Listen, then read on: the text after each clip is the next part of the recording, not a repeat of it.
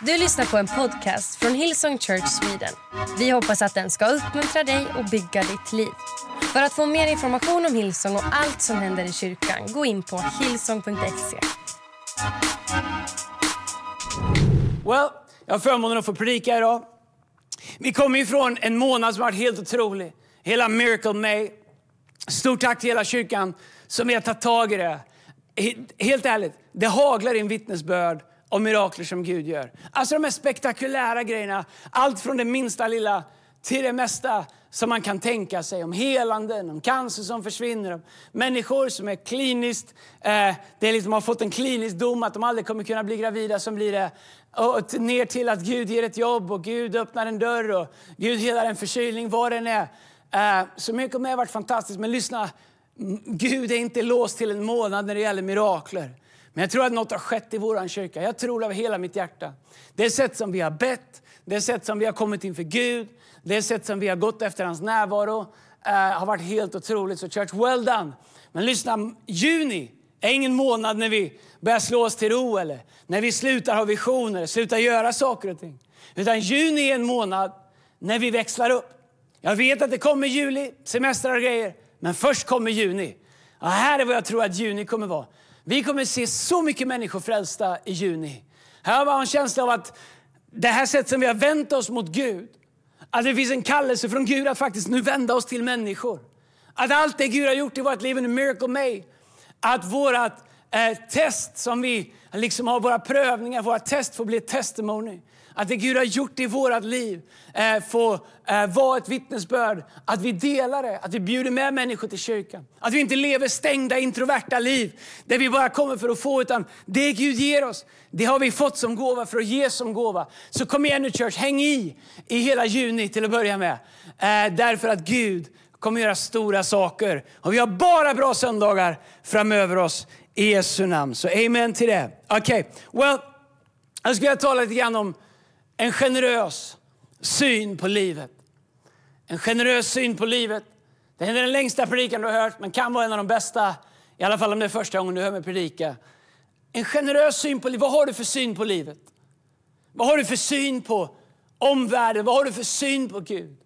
Faktum är att jag skojar mycket om mina glasögon, att jag eh, har vad de kallar åldersrelaterat synfel.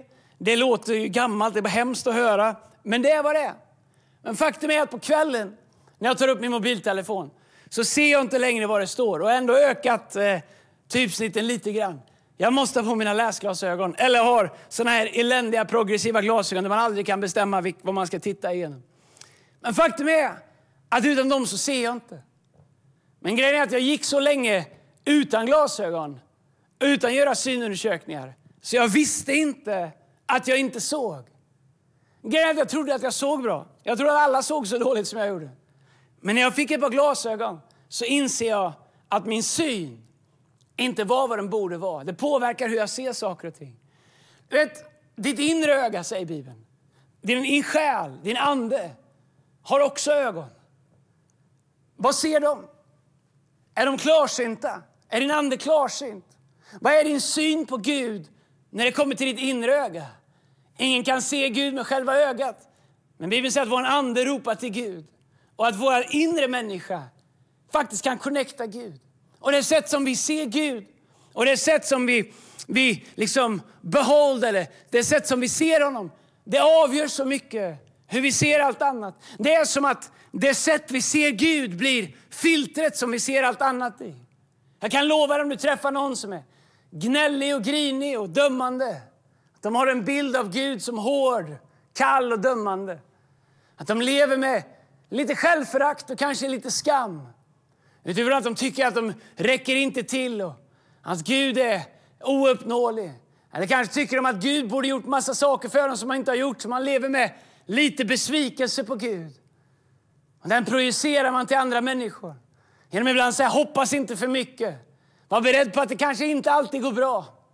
En egen besvikelse färgar det sätt som man ser Gud och det påverkar det sätt som vi ser omgivningen. Jag vet inte om du har delat ett vittnesbörd någon gång med någon människa om vad Gud har gjort och helt plötsligt du är glad. Helt plötsligt så är det första kommentaren som du får är Ja, ja, well, det är inte alltid det går så bra. Ja, nej, ja, Ah, var du verkligen sjuk? Du säger att jag har blivit helad och du berättar om vad Gud har gjort. Ja, men var du verkligen sjuk? Hade du inte fått det där jobbet ändå? Du vet om du har en liten trång syn på vem Gud är. Du har en liten gudsbild. Du har liksom en besviken gudsbild. Då kommer du leta efter det och se det överallt. Våra inre ögon. Vi lägger så mycket energi på att vi ska se bra. Ändå så lever vi eh, så ofta utan någon form av checkup på våra inre ögon.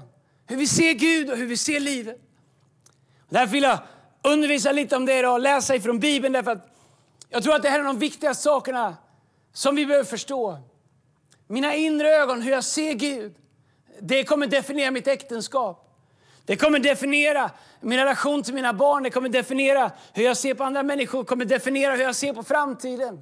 Vet du, om du får ordning på din inre syn, hur du ser Gud, hur din ande förhåller sig till Gud. Om du får ordning på det så lovar jag att allt i ditt liv kommer bli så mycket bättre.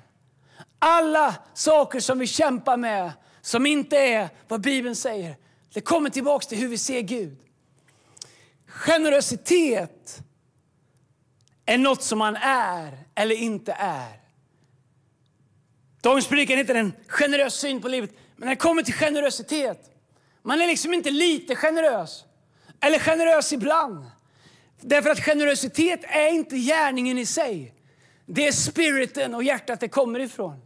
Det är omöjligt för ett generöst hjärta och en generös person och ett generöst synsätt att helt plötsligt vara något annat någon annanstans. Därför att vi kan göra gärningar av godhet eller gärningar av allmosor eller av olika saker som är tillfälliga. Men generositet är något mycket, mycket djupare. Det är ända ner i vilka vi är, hur vi ser på oss själva, hur vi ser i livet.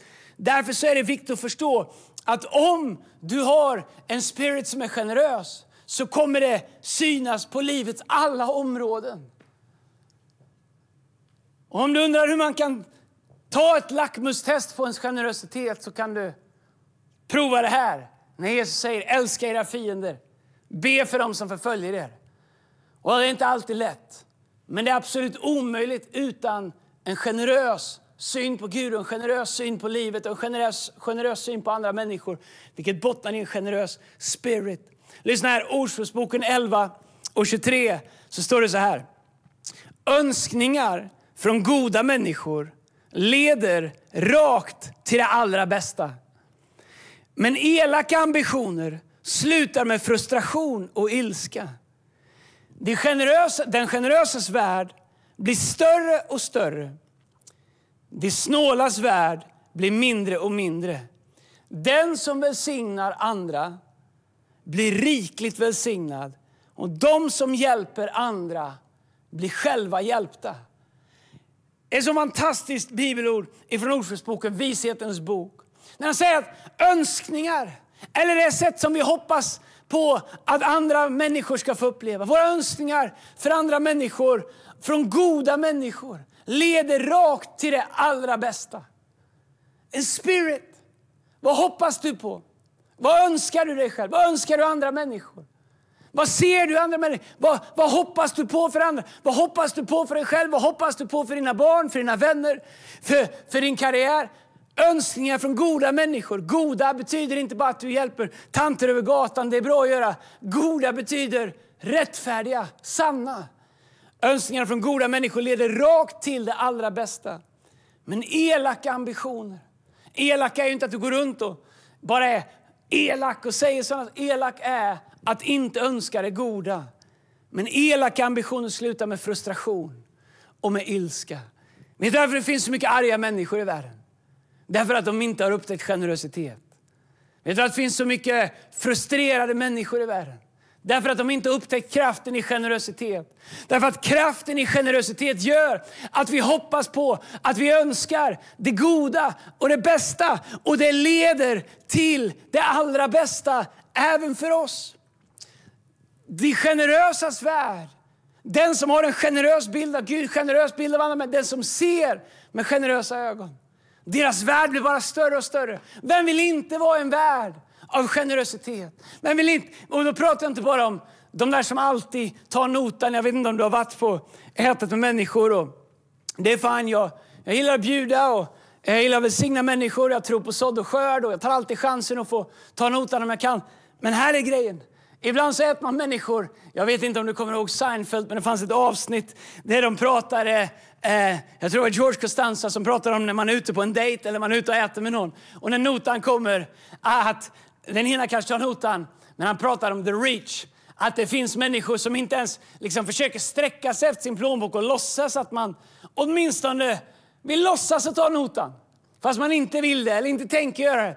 Men istället för att sitta helt stilla så här när notan kommer och bara förvänta sig att den andra tar den, så gör man åtminstone ett halvhjärtat försök att sträcka sig lite efter sin egen plånbok i förhoppning att den andra personen säger nej, nej, nej, jag tar notan. Och då är man snabb och säger tack så mycket. Men lyssna, generositet. Det handlar inte bara om the rich. Det handlar inte bara om att ta notan. Det handlar inte bara om att vara den som bjuder. Det handlar om att ha en syn på människor. Att när de faller så ser vi fortfarande bästa i dem. Att när de går igenom tuffa tider och kanske vår tro vacklar så håller vi fortfarande tag i dem. Att när de ibland visar upp sig från sin liksom mindre bra sida så ser vi fortfarande det goda i dem. Lyssna, om du är en sån person så kommer människor vilja vara runt dig. Jag har aldrig träffat en människa som är full av uppmuntran till andra människor, som är ensam. När jag vet att ibland kan det kännas som man sår mer än man skördar. Men det bästa sättet att inte vara ensam det är att bli fantastisk på uppmuntran, att vara generös i sin uppmuntran. Därför säger Bibeln att den generösa värld, den som sår, den som ger, den som ser, den som gör allt det här, deras värld blir större och större och Gud välsignar den. Och, och vi säger den som spar, han har. Med, eh, det har vi fått lära oss här i det här landet eh, som är uppbyggt av eh, eh folk som gillar rutor och andra saker. Den som sparar han har, ju mer jag sparar ju mer har jag. Well, Bibeln är annorlunda. Bibeln pratar om att spara. Finns det tid att spendera, finns det tid att spara. Det är inget fel på det. Att planera vara en bra förvaltare, absolut. Men lyssna, det är inte så att den som sparar han har. Det är den som ger, han får. Därför att det Gud ger i belöning för det jag ger är så otroligt mycket mer än vad jag kan ge. Därför så blir den generösa värld alltid större. Har du tyckt att din värld har krympt? Vi pratar om en pandemi och alla säger att min värld har krympt. Allt har krympt, allt är mindre, allt är litet. Well, snart är det en självuppfyllande profetia. Det är snart den bästa ursäkten vi har för att leva mindre och mindre liv. Kan det vara så att vi också har vant oss vid mindre liv?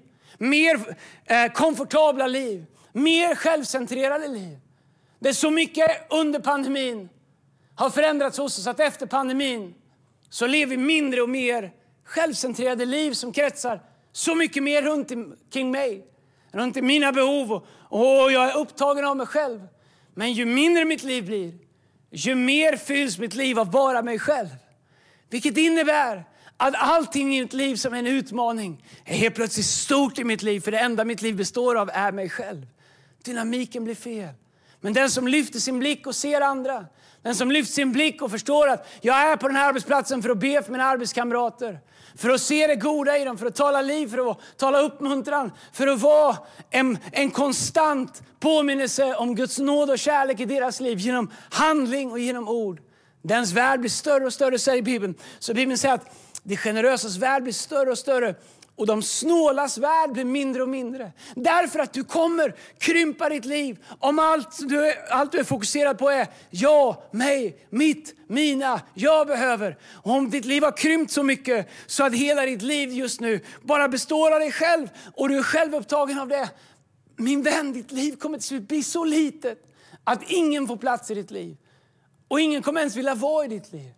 Därför är Gud en generös Gud, full av nåd full av kärlek, full av sanning. Han lämnar oss aldrig, han överger oss aldrig, han ger aldrig upp på oss. Gud är en generös Gud. Vi är skapade till hans avbild. Lyssna, jag vill inte leva ett liv.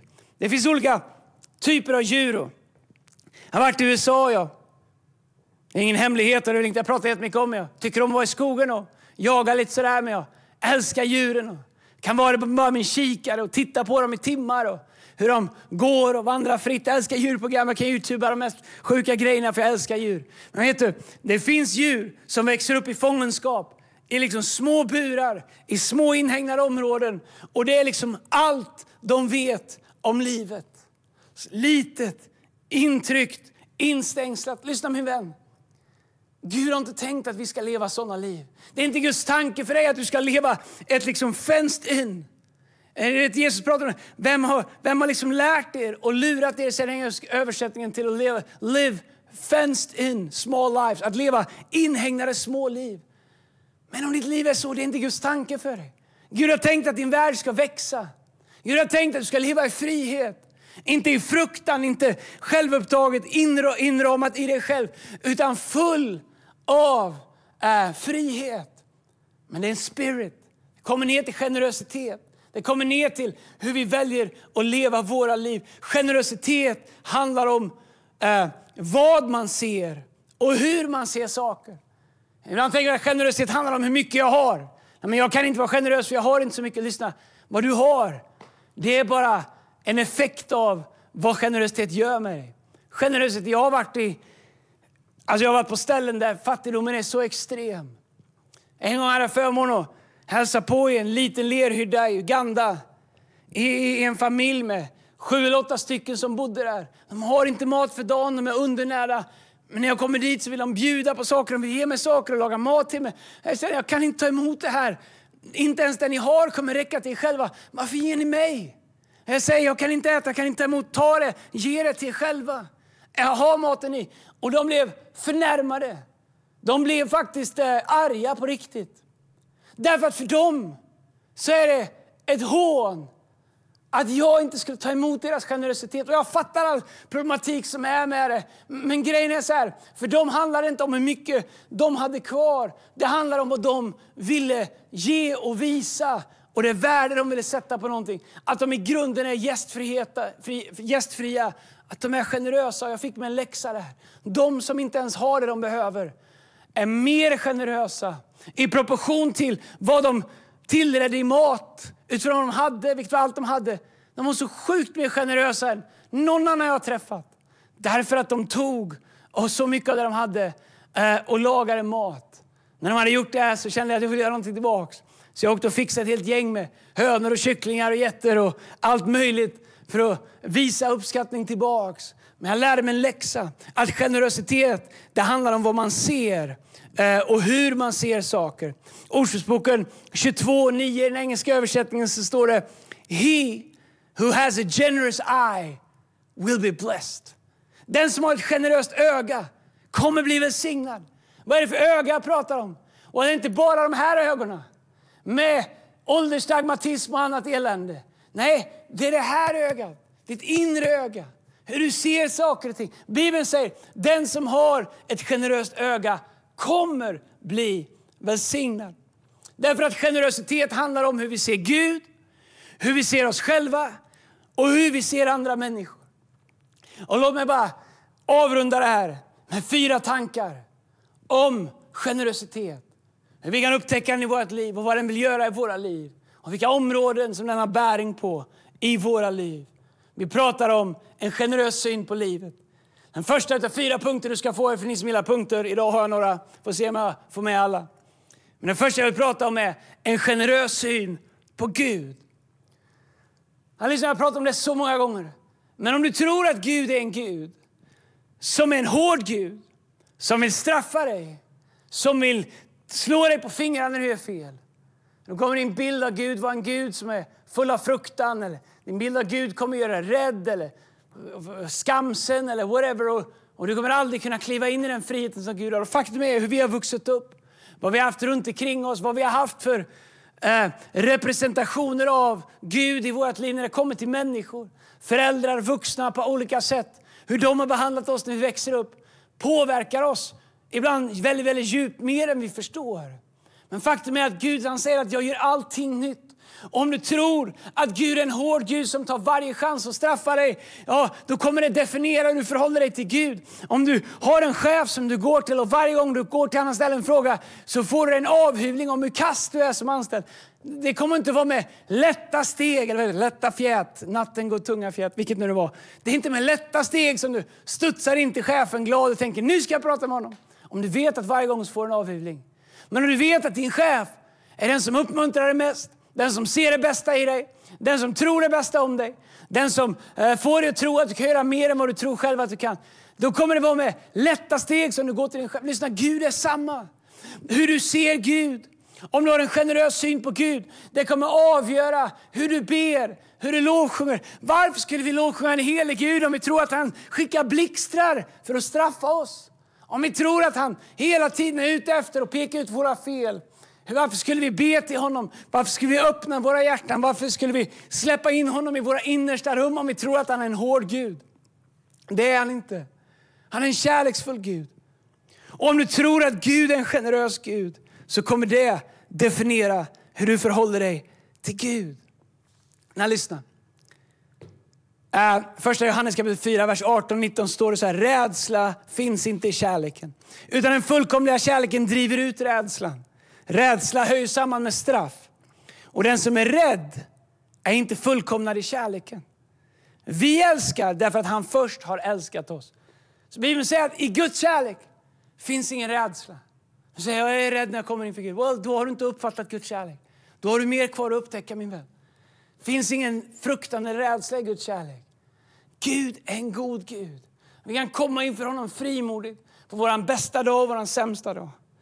Och vi kan veta att Gud är en alltigenom generös Gud. Om du tar det godaste som du någonsin har upplevt från en människa, det mest älskvärda, det varmaste som du någonsin har varit med om i ett möte mellan en människa, så är det bara, det är, liksom, det är ingenting jämfört med vem Gud är konstant i våra liv. Han är så god Gud. Han är så full av nåd, så full av kärlek och så full av godhet. Ändå så ger vi honom aldrig credit. Vi kommer inför honom som om han vore någon liksom, ibland förtryckare, eller någon diktator eller någon auktoritär figur som behöver trycka, har behov av att trycka till oss. Inget kunde vara mer fel. Han är full av kärlek, han är full av nåd. Och du kan gå inför honom frimodigt. Frimodigt kan du gå inför honom. Men får jag också säga, utan att ta bort någonting från det. Vi måste också förstå att Gud är helig. Och när vi säger att Gud är full av nåd, när vi säger att Gud är full av kärlek och när vi säger att han är full av barmhärtighet så betyder det inte att han är vanlig. Därför att om vi blandar ihop helig med vanlig tänker att men Gud är god, han är generös, jag kommer som jag vill, om jag vill, på vilket sätt jag vill. Och han får vara nöjd med det, för han är ändå bara god och generös och han kommer älska dig så, lika mycket ändå. Men din relation med Gud, om du missförstår hans generositet, han kommer vara generös och han är generös mot dig. Men när vi upplever den generositeten så är vår respons helig, inte vanlig. Något som vi kan ha eller mista. Helig, dyrbar. Tänk att han älskar mig så. Så älskar Gud den här världen att han gav den sin enda son. När vi uppfattar det och, och förstår det, då inser vi att Gud, han är helig. Han är generös, han är kärleksfull. Och eh, vi kan komma inför honom frimodigt. Det andra, utifrån eh, en generös syn på livet, det är att ha en generös syn på dig själv. Vet du vad som är fascinerande med oss allihopa, tror jag, kristna? Och, eh, det är att vi på något sätt tror att Gud inte är nöjd med oss. Därför så är vi hårda mot oss själva. De flesta av oss vi lider av en alltför ogenerös syn och bild av oss själva. Vi är för hårda mot oss. Vi lever för mycket skam, med för mycket dåliga, dåliga, med för, med för dålig andlig självbild. Därför att vi har den här bilden av att Gud bara godkänner oss om vi är på ett visst sätt. När lyssnar, Gud är helig. Att följa Gud är en all or nothing. Vi brukar säga på engelska, God is either Lord of all or not at all. Nej, det är en, det är en all in deal. All right? Men, lyssna, Gud han jobbar med oss. Han pratar om drejskivan, hur han inte ger upp på oss. Att han skapar något nytt, att han inte utsläcker en tynande veke. Ändå så har vi en sån ogenerös syn på Gud. Som att när vi inte får till det i livet eller det går fel, eller vi fastnar i vår självupptagenhet eller själviskhet eller vi krymper livet i ett ogeneröst sätt och bara eh, det handlar om jag, mig, mitt, mina, min success, mina mål, bla bla bla, mig, mig, mig, mitt, mitt, mitt. Och, och när vi gör det så och, och krymper det så så tror vi liksom att ah, Gud är inte nöjd med mig, nu kan jag inte gå till Gud. Well, du kan alltid gå till Gud. Han är lika generös på din sämsta dag som han är på din bästa dag. Men kolla här, Romarbrevet 5.8 så står det så här, men Gud bevisar sin kärlek till oss genom att Kristus dog för oss medan vi ännu var syndare. Ja, jag har sagt det så många gånger, du har hört mig säga det, så låt inte bara gå förbi. Lyssna. Dealen som vi har med Gud, relationen som vi har med Gud, den bestämdes innan vi tackade ja till Gud. När man köper ett hus eller man köper en bil, eller vad man än köper så får man liksom klicka i att man godkänner villkoren, eller hur? Villkoren för överenskommelsen. Där Paulus skriver i Romarbrevet att villkoren för Guds kärlek till oss, de klickade Gud i innan vi ens tackade ja till det. Därför så är det inte så att om vi inte alltid får till det att, att, vi kan, att de klickas ur, de klickas aldrig ur. Därför att villkoren för vår relation med Gud förhandlade Gud innan vi kände honom, medan vi ännu var syndare. Och han bevisar sin kärlek till oss genom att hans son dör. Villkorslös kärlek. Hans son dör för oss medan vi ännu är syndare. Om han gör det innan vi någonsin har sagt ja till Gud, tror du att Gud skulle vara hårdare mot dig när du vill försöka men du hamnar fel. Eller du inte lever upp till det du borde. Eller du känner att du inte har gett Gud den plats i ditt liv han behöver. Well, det kan vara den helige ande som försöker övertyga dig om att du behöver ändra saker i ditt liv. Men Guds kärlek är densamma. Lyssna, du måste ha en generös syn på dig själv. Du måste förstå och tro att Gud älskar dig alltid. Du behöver inte vinna Guds kärlek, men du bestämmer vilket utrymme den får i ditt liv. Lyssna, Gud, hans kärlek är konstant. Hans nåd är konstant, hans barmhärtighet är konstant. Hans rättfärdighet, hans kärlek, hans nåd, hans barmhärtighet, hans rättfärdighet. Det är Guds gåva till dig. Och han ger den villkorslöst. Vad du gör med hans gåva av kärlek, nåd, barmhärtighet och rättfärdighet, det är din gåva till Gud. Men du kan försöka upprätthålla allt det genom att du tror att det är det som Gud kräver och känner att du aldrig duger till. Eller så kan du pausa och tänka, well, Gud gav mig allt det här men jag fortfarande var en syndare. Nu vill jag leva mitt liv som en gåva tillbaks till Gud. Som någonting jag vill ge till Gud. Inte som ett krav, inte som någonting jag måste leva upp till. Inte som en lag jag måste hålla. Lagen har bara ett syfte och det är att visa oss att vi inte räcker till i egen kraft. Att vi behöver hans nåd. Så Guds kärlek, hans nåd, hans barmhärtighet, hans rättfärdighet. Det är Guds gåva till oss. Vad vi gör med den och vad vi låter den göra i våra liv. Det är vår gåva tillbaks till Gud. En generös syn på dig själv. Det tredje, och den näst sista, är en generös syn på andra. Lyssna, jag vet att vi lever i en värld som på något sätt har blivit så oskön på så många sätt. Så icke-generös. Vi cancelar folk direkt. Sätter etiketter på dem. Korridorerna av vad man får tycka, vad som är rätt och vad som är fel och vad man får vara man får inte. De är hårdare och smalare än någonsin. Det har aldrig gått fortare att gå från att vara helt rätt till att vara helt fel, eller helt fel till att vara helt rätt. Ändå stannar vi inte ens upp och tänker på varför vi har dratt alla de här gränserna. Vi bara åker med i en slags halvmasspsykos om hur en sekulariserad värld har bestämt att livet ska vara. Så utgår vi från att vi är de smartaste människorna som någonsin har funnits. Och om vi är så smarta, hur kommer det sig att eh, för tre, fyra generationer sedan när Sverige var ett av Europas fattigaste länder, att en generation kunde leda och bygga och jobba ett helt land ut därifrån. Och bygga upp ett av de mest framgångsrika och välsignade länderna. Hur kan det komma sig att de var så dumma på den tiden och inte fattade någonting? Och nu är vi de smartaste som någonsin har funnits och vi fattar allting. På deras tid var man självförsörjande. Om vi inte skulle importera och köpa grejer så skulle vi inte klara Sverige mer än ett par veckor. Och vi vet inte ens hur man överlever längre. Jag säger inte att man måste göra det. Men ibland så lever vi med någon slags idé om att vi är de smartaste, de mest upplysta. Well, jag undrar om inte vissa saker är kejsarens nya kläder. Att vi inte ser hur nakna vi är. Faktum är att Uppenbarelseboken säger, säger, att du säger att du är rik, att du har allt du behöver och att du är, är framgångsrik. Men du ser inte att du är naken, fattig och elände, eländig och borde köpa renare kläder. Du borde skaffa, ta på dig rena kläder, förnya ditt sinne. Lyssna, när det kommer till eh, en generös syn på andra människor så kommer det ner till att du kan älska människor som tycker annorlunda än dig. Att du kan älska människor som har andra värderingar än dig men fortfarande vara trygg i dina. Om vår kärlek till varandra är baserad på åsikts eh, liksom åsiktstvång. Vilken fråga tänker han på nu, säger du? Är det den där? Nej, det är inte den där. Det är på alla frågor. Ah, vi har problem på alla områden.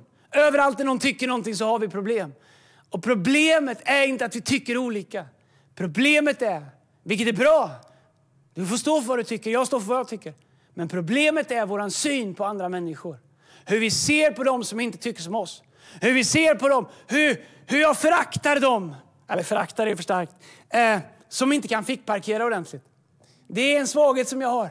Jag har liksom ett, så här, ett slags oskönt förakt.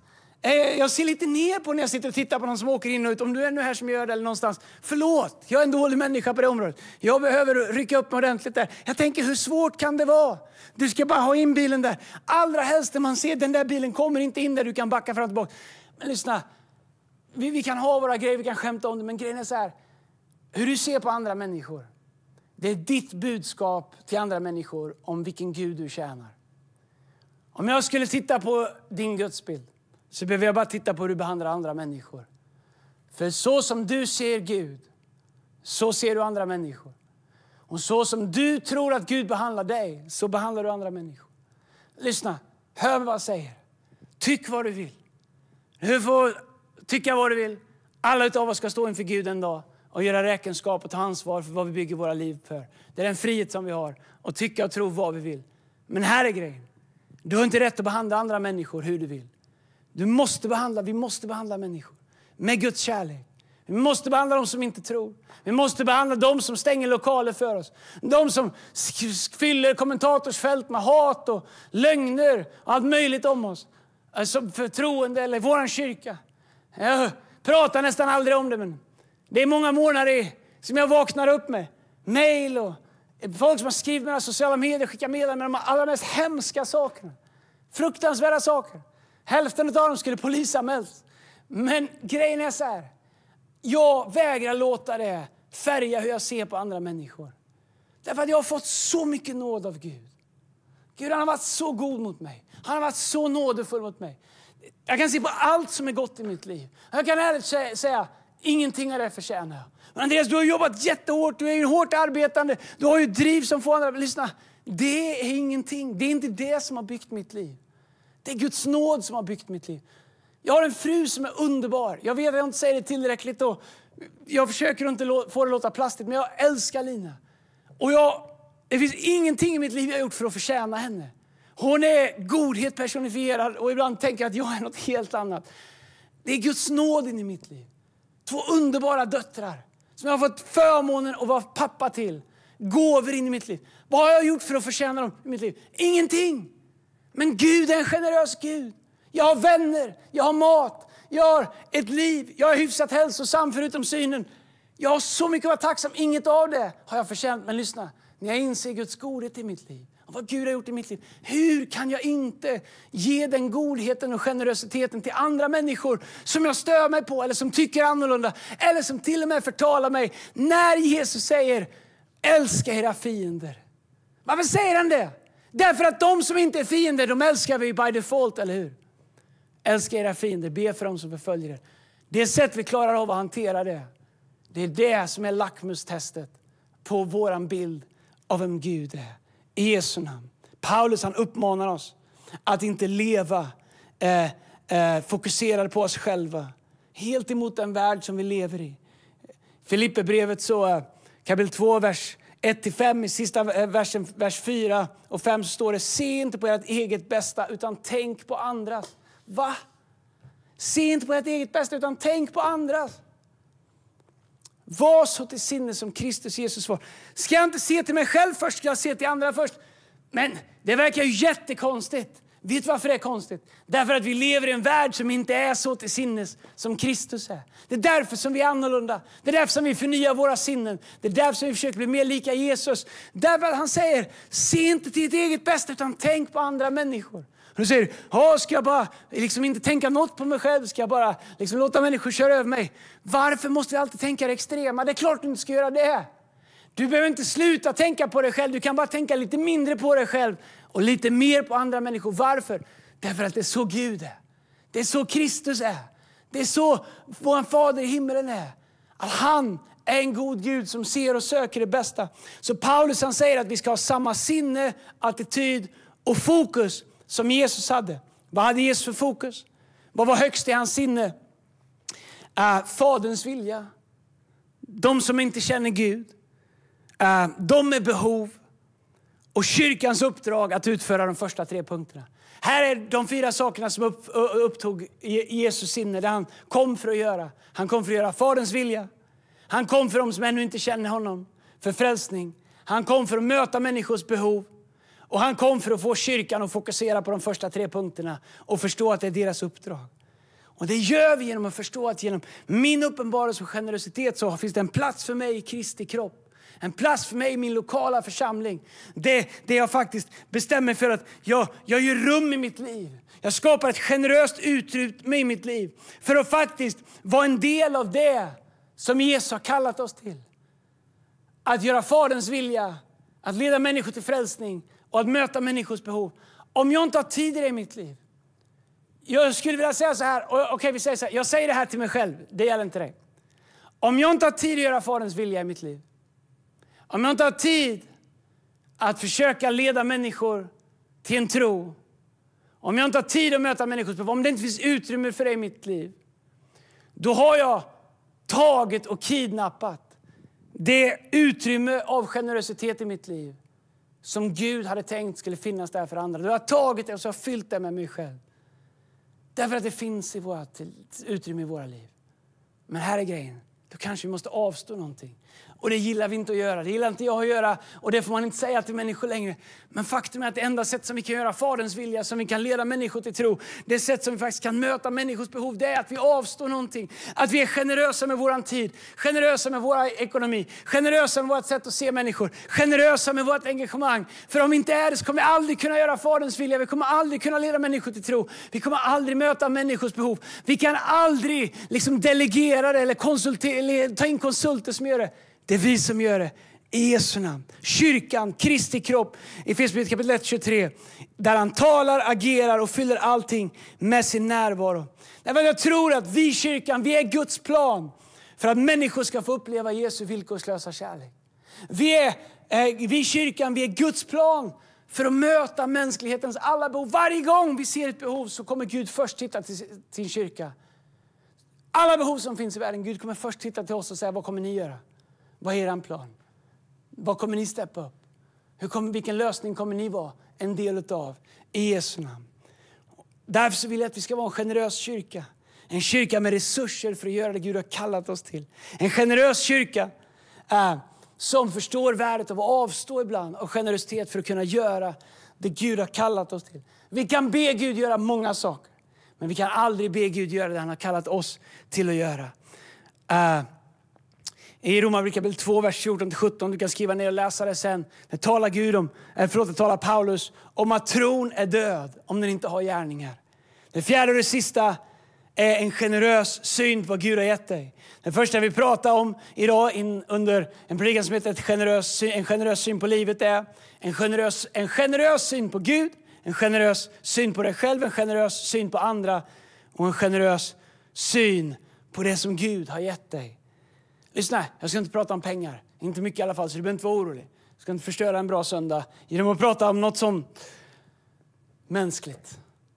Ändå är det märkligt att Jesus pratar tre, fyra gånger mer om skatter, pengar, rikedomar än vad han pratar om himlen, helande, frälsning. Därför att han vet att det är en sak som är så nära vårt hjärta. Men lyssna, en generös syn på det vad Gud har gett dig. Lyssna, en kyrka full av generositet. Det leder till en kyrka full av resurser. Nej, vi kan be, vi kan ropa, vi kan bulta. Men om vi inte är en generös kyrka så kommer vi inte vara en kyrka som har resurser för att göra det Gud har kallat oss till. Men en kyrka full av resurser kommer alltid leda till att Gud kan göra det han vill göra. Jag tror att det som vi intecknar i våra egna liv som var menat åt Gud är det största hindret för Gud att göra det han skulle vilja göra. Större än andemakter, större än motstånd från sekulära samhället, större än demoner, större än frestelser. Den största blockaden för Gud att göra det han vill göra. Det är vi troende människor som intecknar i våra liv det som tillhör Gud, det som Gud har tänkt att använda för att göra allt det som vi ber att han ska göra i vår värld.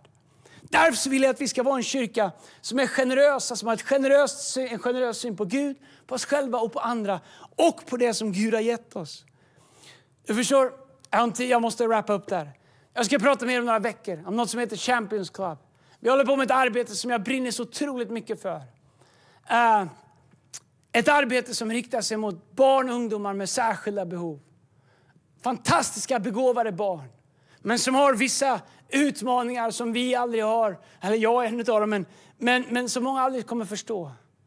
Och du har ingen aning om hur det är för vissa föräldrar att ens få med sig sina barn och ungdomar till kyrkan. Du har ingen aning om hur det är att leva, hur det är för de här barnen och ungdomarna. Att försöka existera i miljöer som är byggda på ett helt annat sätt än hur de fungerar. Just när vi har en dröm om att vår kyrka skulle vara den absolut bästa platsen i Sverige. Och det är ett långsiktigt arbete, det kommer inte ske över en natt. Men att bygga miljöer för våra barn och ungdomar med särskilda behov, med NPF, med, med olika sorters av, eh, av utmaningar i livet på alla möjliga fysiskt och eh, psykiskt och emotionellt och på så många olika sätt. Att kyrkan skulle vara en plats de blomstrar. Att våra miljöer skulle vara den miljö, de miljöer där, där de kan leva ut, upptäcka sina gåvor, lära känna Jesus, få funka på sina sätt. Att vi ska ha rum som är anpassade för dem. Att föräldrar ska känna, åh, äntligen söndag. Nu får jag möta Gud och mitt barn är på ett ställe som de älskar. Du anar inte vilken kamp det kan vara, vilken fight det kan vara för en del föräldrar som kämpar med det här. Och inte minst för barnen såklart. Vi ska starta något som heter Champions Club. Det finns ett samarbete som vi håller på att göra med Joel Osteen. Och, äh, jag vill prata så mycket mer om det, men lyssna, det kommer en av de dyraste satsningarna vi någonsin har gjort. Ja, du hörde mig rätt. Det kommer vara en av de dyraste satsningarna vi någonsin har gjort. Men lyssna, jag är så committad. Om jag så ska cykla runt i Sverige och samla in kollekter på varenda bensinstation så ska vi göra det för att jag tror att Gud kallar oss till det. Därför att vi är den kyrkan full av generositet som vilket leder till att vi är fyllda av resurser så vi kan göra saker. Vita bergsparken, varför gör vi det? Kostar inte det pengar? Jo, det kostar lite grann. Men vi tror att Guds ord behöver deklareras där. Vi tror att vi behöver resa upp ett altare av tillbedjan och lovsång. Vi tror att vi behöver ta plats eh, och, och lyfta upp Jesus i de offentliga rummen. Varför? Därför att vi är en generös kyrka fylld av resurser som är till för Guds rike. Varför Summer Camp? Varför gör vi det igen? Därför att vi är en kyrka som tror på nästa generation. Därför att vi är en kyrka som tror på guldet i nästa generation. Som tror att Gud har kallat dem, som tror att Gud vill frälsa dem, som tror att Gud har en plan med deras liv. Och antingen kan vi säga, ni skulle bara veta vad Gud hade haft för er. Eller kan ni säga, vi är en generös kyrka. Därför så, för, så lever vi inte liv där vi äter upp allt själva, utan vi lever generösa liv så att Guds hus har resurser. Så att vi faktiskt i praktisk handling kan visa nästa generation att Gud älskar dem. Guds syn på din syn på din syn på generositeten över vad Gud har gett dig. Det kommer bygga ditt liv på ett sånt fantastiskt sätt. Lyssna, jag ska avsluta innan vi ber och går in i en lovsång med en eh, historia om en kyrka. Hur blir vi en kyrka full av resurser? Hur blir vi en kyrka full av generositet? I vårt sätt att se Gud, vårt sätt att se oss själva, vårt sätt att se andra, vårt sätt att se eh, på det som Gud har lagt i vår hand. Jag har berättat någon gång innan, men två män eh, hamnade på en öde ö, förlista Det fanns inget att äta, fanns ingenstans att ta vägen och kunde inte simma. De var helt förlista.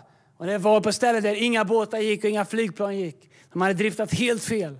Den ena mannen han springer runt överallt och försöker leta. hur ska vi hitta härifrån? hur ska vi överleva? Vad ska vi äta? Och helt förtvivlad. Han inser att de kommer dö. Den andra mannen han sätter sig lugnt under enda palmen som finns på hela lilla ön.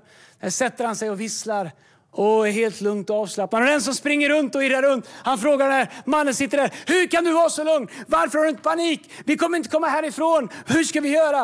Och då säger han, den lugna mannen säger, vet du vad? Jag jobbar hårt, jag tjänar väldigt bra. Han sa, jag tjänar en miljon i månaden. Och jag ger tionde varje månad. Tro mig, min pastor kommer hitta oss. Vi kommer härifrån. Hörni, vad det än är, det är eh, om vi lever liv för Gud så kommer vi leva med en frid. Du behöver inte tjäna en miljon i månaden, det får du gärna göra. Men lyssna, du kan lita på att Gud har en plan för dig. Du lever med en generositet mot Gud, mot andra människor, mot det som är runt omkring dig. I Jesu namn. Okej, okay. kom vi ska be tillsammans. Medan lovsångsteamet kommer upp på våra campusar. Fader, jag tackar dig för att du är en generös Gud, full av nåd, full av sanning, full av kärlek. Herre, vad vi gör med det är vår gåva tillbaks till dig. Herre, jag ber att vi idag skulle få lyfta vår blick och se att du är generös. Att vi skulle få se på oss själva med dina ögon, att du är en generös Gud. Herre, att vi skulle få se på andra människor med dina ögon och ge dem generositet, Herre, och kärlek. Herre, att vi skulle titta på det du har lagt i våra händer och det uppdrag du har lagt i våra liv och i vår kyrka och få leva generösa liv så att vi kan göra Faderns vilja, Herre. Så att vi kan leda människor till tro, så att vi kan möta människors behov. Herre, jag ber att du skulle förlösa en ande av generositet i hela vår kyrka, Herre Jesus. Herre, jag tror, Herre, att du kallar oss, Herre, till det. Herre, det vi har anat, dörrar som du håller på att öppna, Herre. Herre, glimtar som du ger oss om framtiden. När vi har sökt dig, när vi lovsjunger dig och när vi, när vi, när vi, eh, Eh, när vi ropar efter dig, Herre, så känner vi att det finns en ny säsong vi är på väg in i, Herre. Herre, men jag ber att vi skulle vara de som inte lever självupptagna, intecknade liv, Herre. Så våran ovilja att leva generösa liv, Herre, att det inte skulle bromsa dina planer för ditt rike i våra städer. I Jesu namn. Herre, vi lovar dig och vi prisar dig i Jesu namn. Du har lyssnat till en podcast från Hillsong Church Sweden. Om du vill veta mer om vår kyrka eller om våra söndagsmöten surfa in på hillsong.se.